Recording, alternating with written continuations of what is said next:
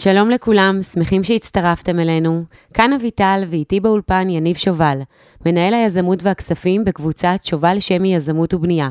היי יניב. אהלן אביטל. יניב, בפרק הקודם דיברנו על חשיבות ההשקעה למול החיסכון. על מה נדבר הפעם? בפרק הזה אנחנו עוד פעם נחזור על ה-state of mind, אנחנו נחדד את העובדה הזאת כי זה מאוד מאוד חשוב, ונכניס עוד גורם ל-state of mind של בעצם מה הסיכון שאנחנו מוכנים לקחת.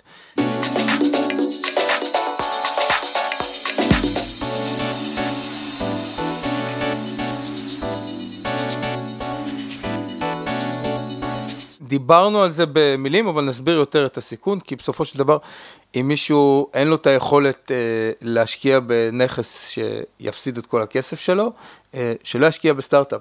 אה, אז אנחנו צריכים להבין גם מה הסיכון לפני שאנחנו נכנסים להשקעה. אני חושב שכבר כולנו הבנו אחרי הפרקים הראשונים ואחרי שטיפה קיבלנו מושג מה זה אינפלציה ו...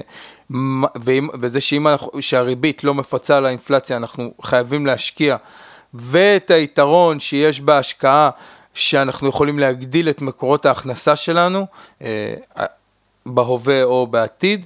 אה, אני חושב שבעצם הגענו היום, מי שהמשיך איתנו פה כבר צריך להגיע לאיזה נקודה שהוא מבין שהוא חייב להשקיע. איך אני יודעת איזה סוג השקעה מתאימה לי? איך אני יודעת מה נכון? כמו שאמרתי, להגיד מה נכון זה משהו שרק את יכולה להגיד, אני לא יכול לבחור שום דבר בשבילך, אני לא יכול להחליט בשבילך, זה שלבים שאת צריכה לעשות עם עצמך, אה, זה השלבים שדיברנו עליהם בפרק הקודם של מה התזרים הפנוי שלך, מה הדברים שאת צריכה, ואנחנו נוסיף היום גם את הסיכון. אוקיי, okay, אה, ואז משם, אחרי שאנחנו יודעים מה הסיכון? קודם כל, כדי להתחיל את כל התהליך הזה של איזה השקעה את רוצה, את צריכה לשבת עם עצמך.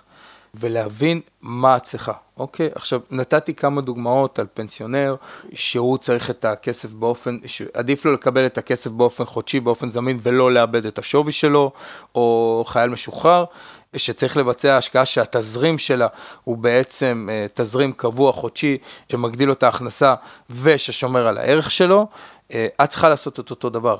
אה, אם את רוצה לקנות בית לדוגמה, עוד שלוש שנים, ואת היום במצב שיש לך 300 אלף שקל, אני חושב שכדאי לך לקחת את הסיכון, לקנות בית יותר קטן, לא משופץ, לשפץ אותו, ולקנות אחרי זה בית, ועם הרווח הזה, להגדיל את היכולת שלך לצריכה של הבית. זאת אומרת שבסופו של דבר השקעה, אנחנו, היא לא משהו שצריך להוביל את החיים שלנו, זה משהו שצריך להיות מובל מהחיים שלנו. הרי נבדיל בצד שנייה בין state of mind של יזם ל-state of mind של השקעה.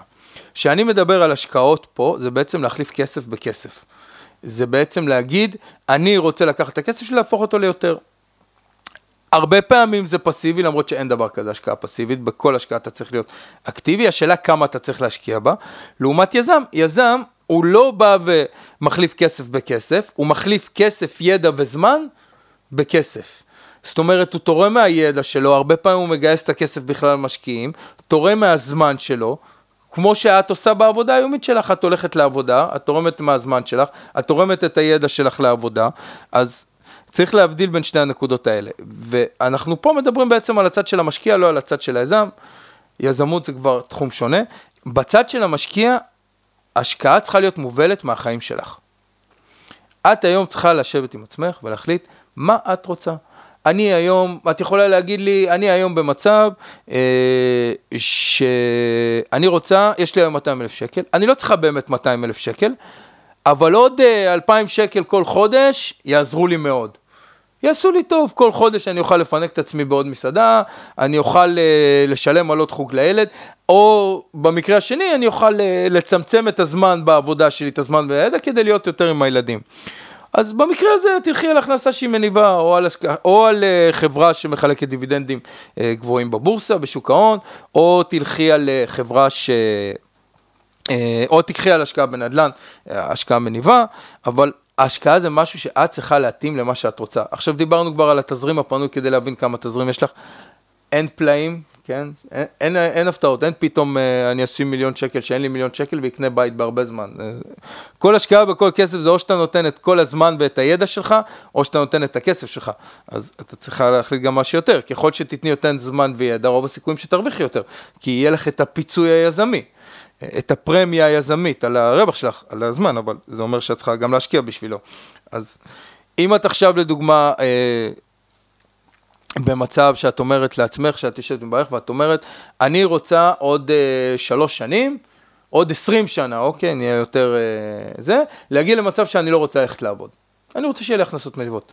איך את עושה את זה?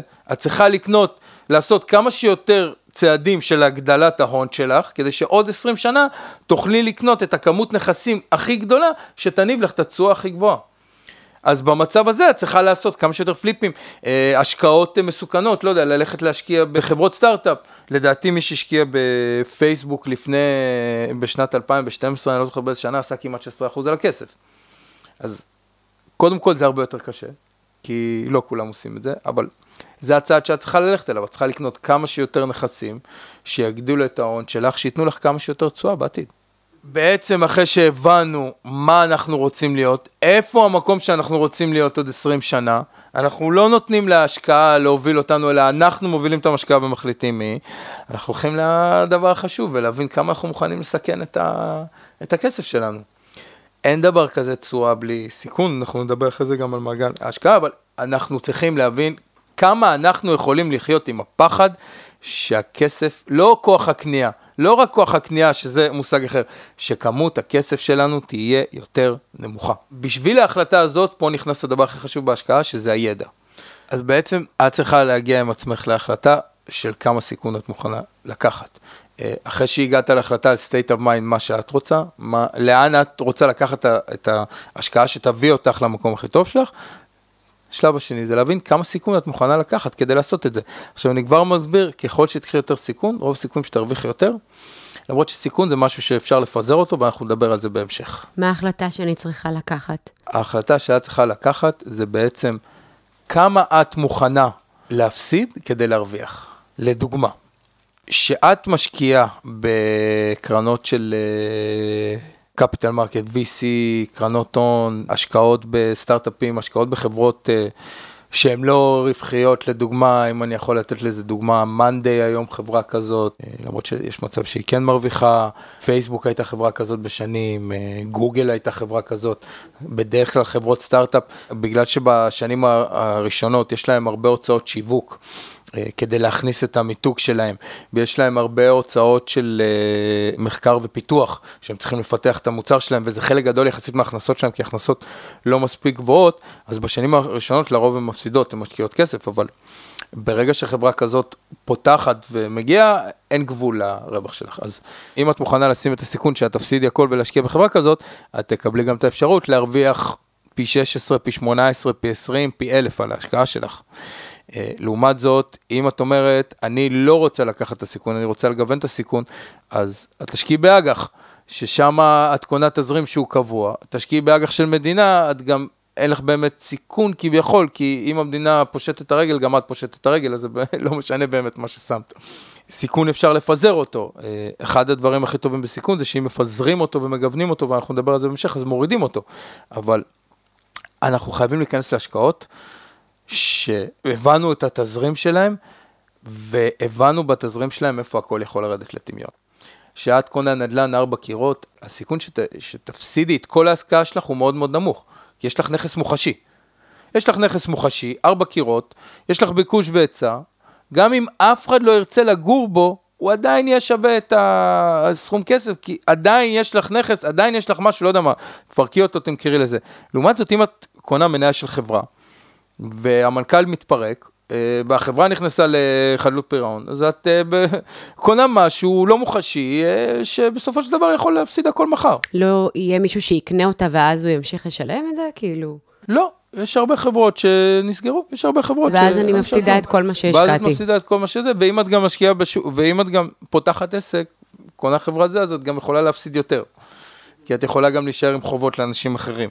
אז בסופו של דבר אנחנו צריכים להבין מה הסיכון שאנחנו מוכנים לקחת כדי לישון טוב עם ההשקעה שלנו, כי אם אנחנו לא ישנים טוב, זה לא שווה כלום. בפרקים הבאים אתה תפרט לנו על סוגי ההשקעות, אנחנו אנחנו נדבר גם על סוגי השקעות, ואנחנו נדבר גם על uh, הסיכונים שבכל השקעה, uh, וגם מה התשואה שבכל השקעה, אבל לפני זה אנחנו נדבר קודם כל על uh, איך אנחנו מודדים את התשואה מול הסיכון, ואיפה אנחנו נמצאים בעצם על המשולש של ההשקעה.